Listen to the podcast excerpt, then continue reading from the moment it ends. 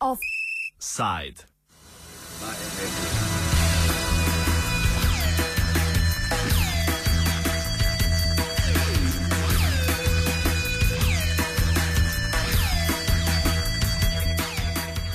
Precedenčno glasovanje državnega sveta.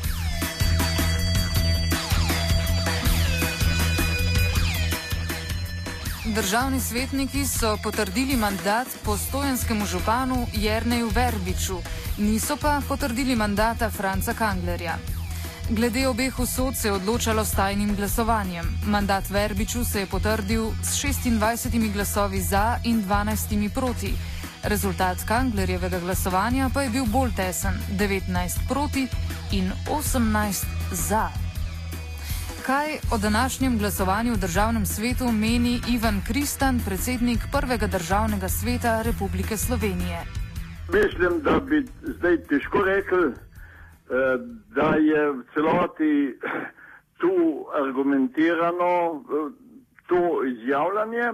Vsekakor se mi zdi, da je glede Kanglerja bilo več povedanega, za Erbiča pa pravzaprav nič. Uh, ne vem, kaj je bilo na robe njim, ampak uh, dejstvo je, da je uh, ravno kar državni svet s tajnim glasovanjem uh, odločil, da Kangler ne bo svetnik, to pomeni, da odpade Kanglerjeva senca kot breme za državni svet, medtem ko se vidi pa verujoč pa je.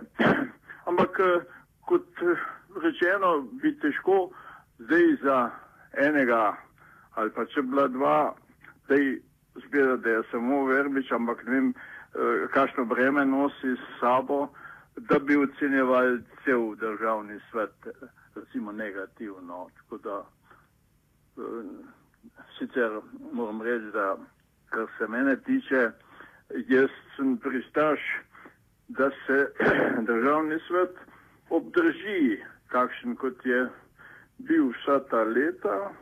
Eh, in zaenkrat se mi zdi tudi, da tisti predlog za ukinitev državnega sveta eh, ni aktualen.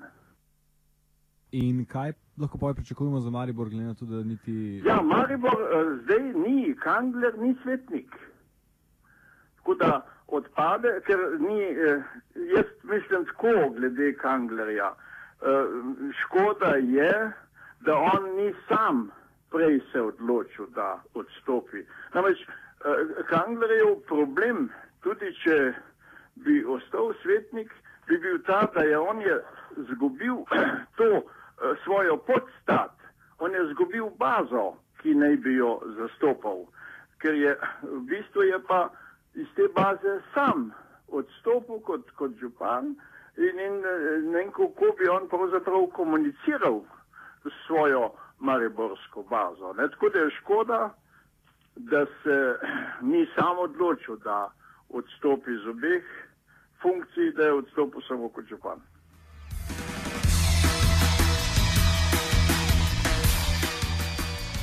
Ali je Kanglerjev primer precedens?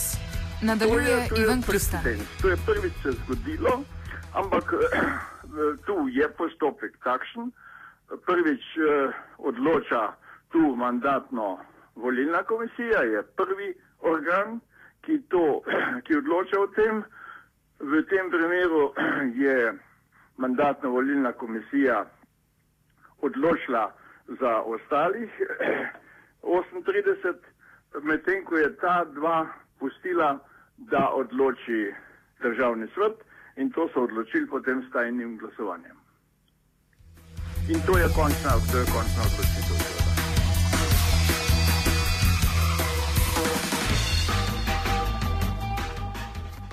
Ivan Kristan je ob enem obrazložil, kje vidi vlogo državnega sveta v trenutnem uporniškem zeitgeistu na slovenskih ulicah. Zdaj, to je pa en, en geist, ja. Eh, zdaj ta geist ima zelo široko briko podstat in jaz mislim, da bi težko zdaj identificirali ne samo enega ali, ali dvojne zaledje tega. Očitno je tu dejansko zdaj en širši upor ljudi, da, da enostavno ljudje smatrajo, da je zdaj le priložnost, ki se je v Mariboru začela, priložnost za izražanje enega nezadovoljstva.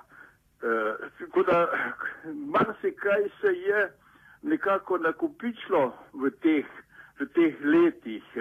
In, in zdaj je to, kar pravijo, da se je zgodilo ljudstvo, sedanje oblasti je pač en, ena, en nov uh, signal, bi rekel, tudi sedanji vladi, da bi morala pravzaprav presoditi, ali so poteze, ki jih vleče sedanja oblast, uh, nekako uh, ustrezne ali, ali lahko v tej smeri ta oblast deluje, ali pa bi morala bolj prisluhniti zdaj tem protestom, ki se, ki se zdaj širijo, zgleda, da se bojo ponavljali, zgleda, da bo prišlo tudi, saj tako je napovedano, 21. decembra nekako, kot so rekli, da vstaje.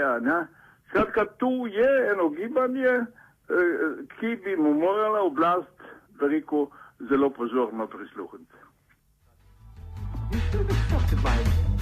Your Lord.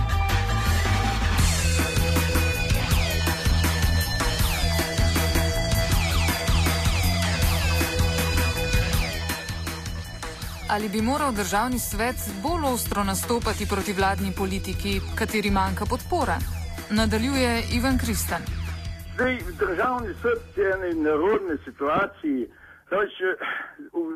Nekako se je ob različnih prilikah ustvarjalo eno, eno negativno razpoloženje do državnega sveta. Zdaj, to po krivici in to je, reko, aktualna vlada nekako ustvarjala nerazpoloženje do državnega sveta, ker je pač eh, državni svet eh, neke vrste motilni faktor, ker ne more vlada kar vse po tekočem traku, recimo sprejemati zakone, ker se pol zgodi, da vendar državni svet uspe sprijeti odložilni, odložilni veto. Recimo zdaj na zadnji seji recimo tega niso uspeli sprijeti, kar je po mojem nekako jaz sem se čudil temu, da se je pravzaprav prvič zgodila ta, ta blokada, ta obstrukcija, da ne nekateri svetniki so obstruirali.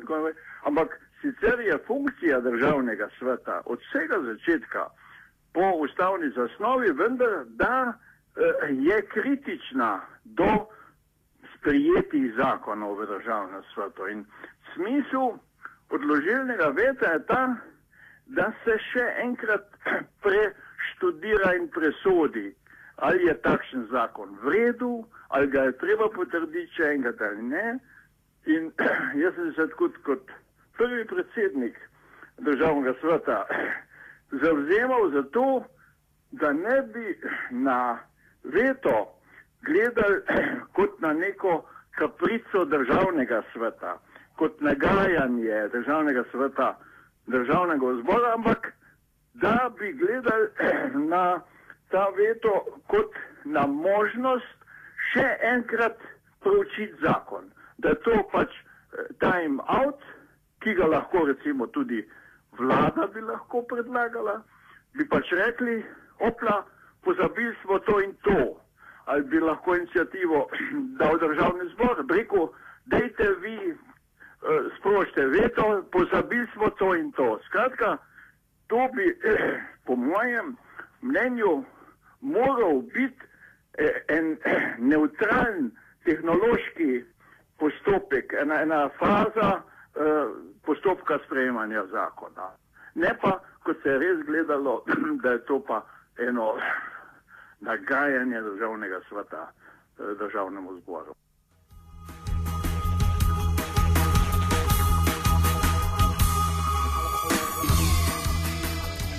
Ob koncu je Ivan Kristan povdaril, da je državni svet dobra institucija, ki zagotavlja neko mero ravnotežja oblasti.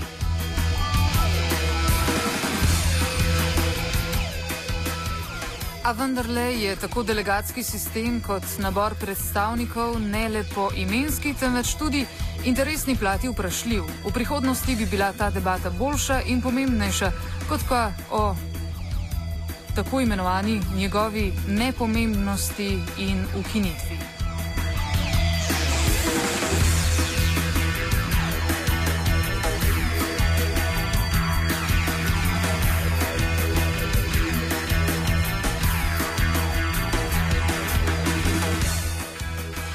Offside je pripravil Anže Kožuk.